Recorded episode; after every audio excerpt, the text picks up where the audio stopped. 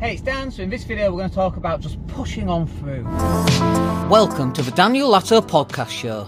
Fresh content covering business, investing, marketing, money, health, and more.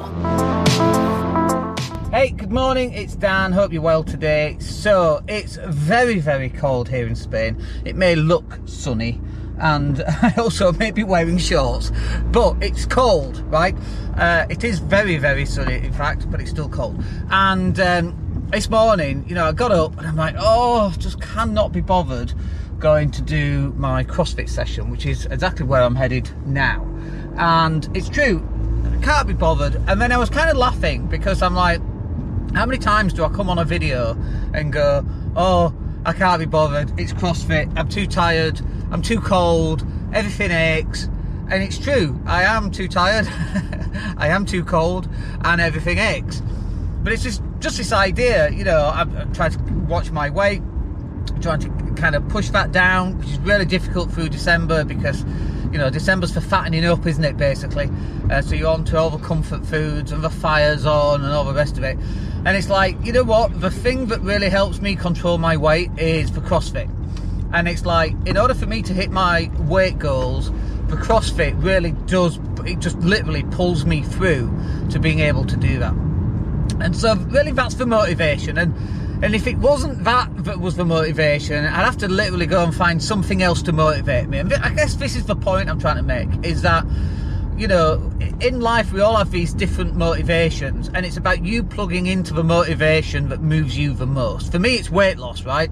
And so if if I know that it's weight loss, and I know that going to CrossFit kind of puts in place for weight loss, then it it makes kind of sense for me to go to CrossFit, workout.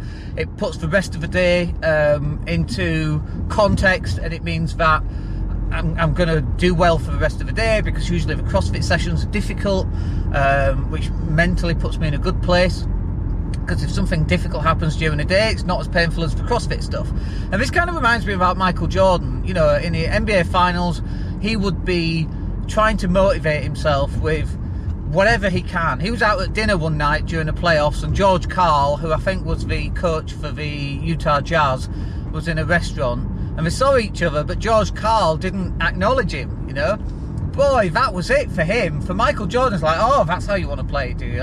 And that was his motivation, and he used to find motivation from antagonising other players. And now, interestingly, when I used to play a lot of basketball, I was a very good player, you know, 30 point, uh, 30 points a game kind of thing. And I would also utilise that method of motivation. I would talk shit basically to the guy defending me.